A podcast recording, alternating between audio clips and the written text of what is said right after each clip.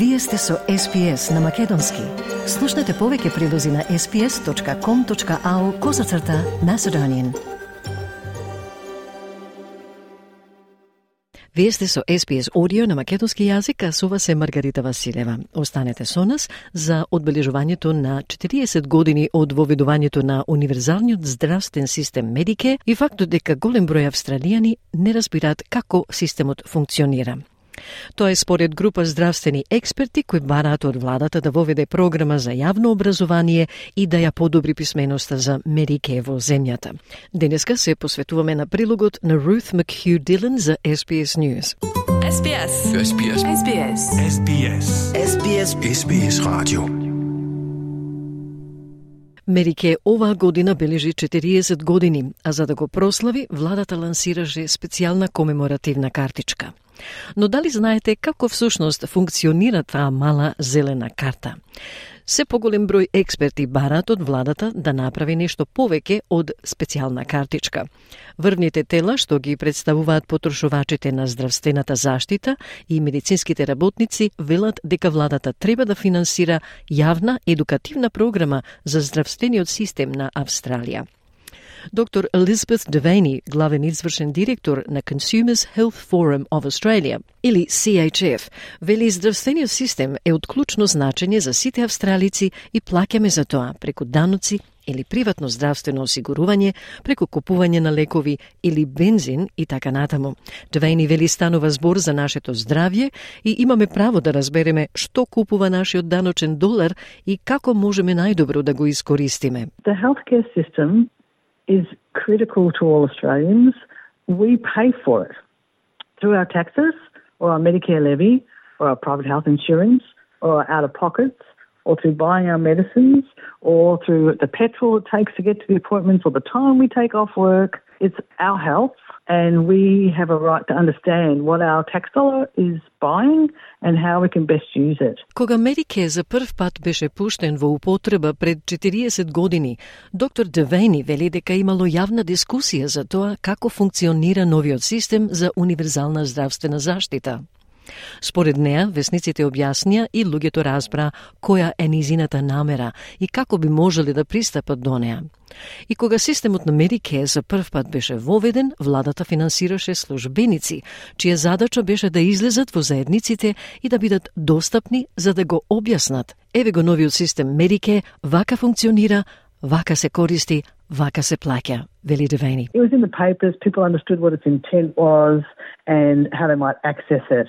And indeed, when Medicare first came in, the government funded people whose job it was to go out into communities and be available to explain it to you. Hey, we've got this new thing, it's called Medicare, this is how it works. You're going to get a card, this is how you use it, this is what it pays for. Но та вели дека помладите луѓе и оние кои пристигнале во Австралија по 1984 година ги пропуштиле тие инструкции, што значи тие пораснале со медике, но никој не ги научи како функционира. За системот не се учи во училиште. Дури лекарите велат дека кога ќе завршат со студиите и ќе почнат да работат, откриваат дека има работи за медике што самите тие не ги разбрале. So they just grow up with Medicare. And the thing is that no one teaches you how it works. We don't teach it in schools. Indeed, even clinicians say that when they finish their training and start working, they discover there are things about Medicare that they didn't understand. CHF е загрижен дека празнините во знаењето за здравствениот систем значи дека австралиците пропуштаат и потоа плаќаат повеќе за здравствена заштита. Нивната загриженост ја делат и во Коледжот за општи лекари, Royal Australian College of General Practitioners, кој издаде сообштение во кое повикува на поголема здравствена писменост, конкретно за Medicare. Двете организации тврдат дека во услови на криза со трошоците за живот, поважно е од кога било досега австралиците да знаат дека имаат право на бесплатна и субвенционирана здравствена заштита. Минатата година процентот на луѓе кои доцнеле или не виделе општ лекар поради трошокот се зголеми на 30% според Австралиското биро за статистика. Загрижувачки е тоа што оние со долгорочна здравствена состојба имале поголема веројатност од другите да ја прескокнат посетата кај лекар. Доктор Джевени вели дека токму тие луѓе можат да имаат најголема корист од образование. Шефицата Девени вели во шемата за фармацевтски бенефици има процес наречен заштитна мрежа, ја има и во Мерике. Кога сте потрошиле одредена сума пари во Мерике, владата ви кажува дека сте потрошиле одредена сума пари, работите ќе ви бидат поевтини и кога ќе ги добиете лековите, се применува истата шема, така што има безбедносна мрежа за вашите лекови финансирани од владата. Но кога ќе ја достигнете границата, никој не ви кажува – Двени изјави дека уверени се дека има многу австралици кои имаат хронични заболувања и кои потрошиле многу пари на лекови, Тие не сваќат дека го поминале прагот, цената на нивните лекови требаше да се намали или пак да бидат бесплатни. In the pharmaceutical benefit scheme, we have this thing called a safety net. We have it in Medicare too. When you've spent a certain amount of money in Medicare, the government tells you you've spent a certain amount of money, things will be cheaper for you now. And when you get your medicines, the same schemes, uh, the same kind of scheme applies. So we have a safety net for your um, government-funded medicines, but when you hit the limit, nobody tells you.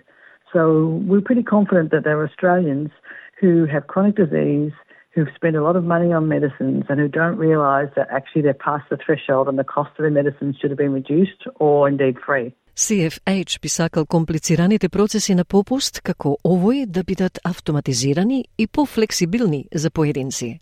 Но доктор Девейни нагласува дека едноставните поправки често се сведуваат на образованието – Например, таа вели дека многу луѓе не знаат дека можат да побараат од својот матичен лекар за наплата, дори иако тоа не е нормална процедура на клиниката. Дори и ако лекарот не може да понуди тотално намалена услуга, тие ќе го поврзат пациентот со други услуги што можат.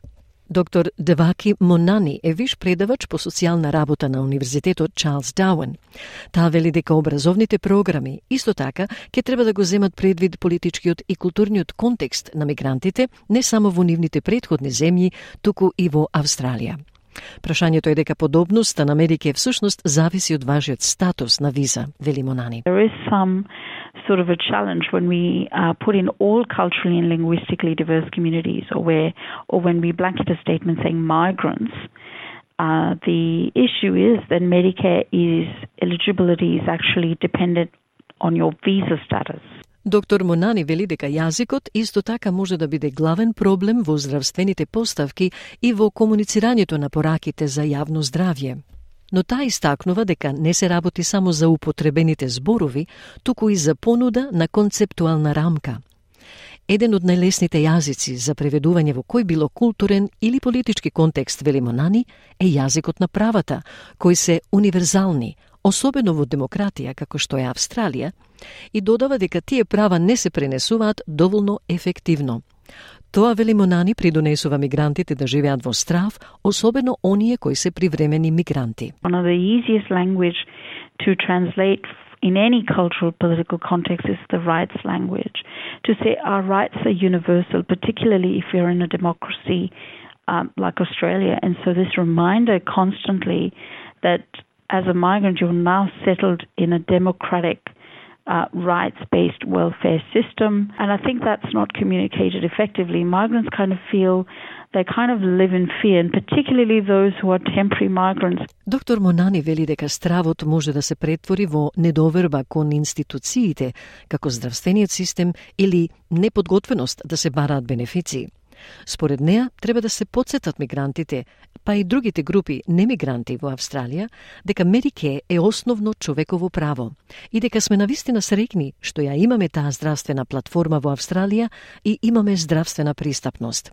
Монани вели, мора да продолжиме да комуницираме со мигрантите дека Медике е основно човеково право и дека треба да му се пристапи колку што е можно повеќе. We need to remind migrants or and, and other non-migrant groups in Australia that Medicare is our basic human right and we're really lucky to have that health platform in Australia and have health accessibility. So we must fight really hard and we must keep communicating to migrants that Medicare is your basic human right and you need to access it as much as possible. За доктор Девени тоа е и право на образование.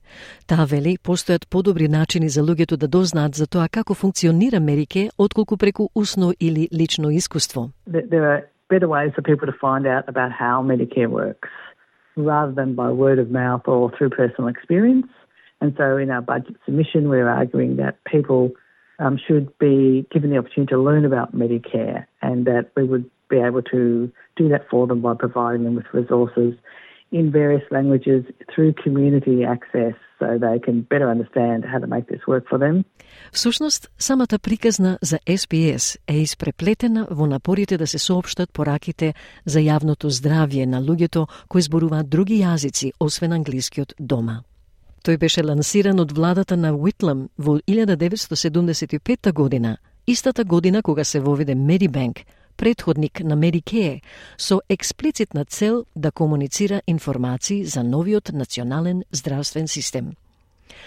На 45-тиот роден ден на СПС во 2020 година, поранешниот извршен директор Майкл Ебейд размислуваше за улогата на радиодифузерот. Господинот Ебейд смета дека тоа беше навистина добра политичка одлука на тогашната влада да го постави ова за да помогне во обединувањето на мигрантите во Австралија и да им помогне на луѓето да разберат што значи да се биде австралиец, како и да ја разбере Австралија.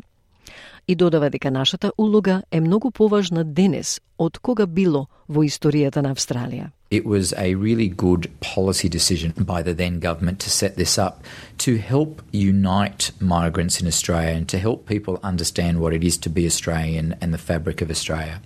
So I think our role is more important today than ever before in the history of Australia. Вашата заедница, вашите разговори. SPS на Македонски. Стиснете, ми се допаѓа, споделете, коментирајте. Следете ја SPS на Македонски на Facebook.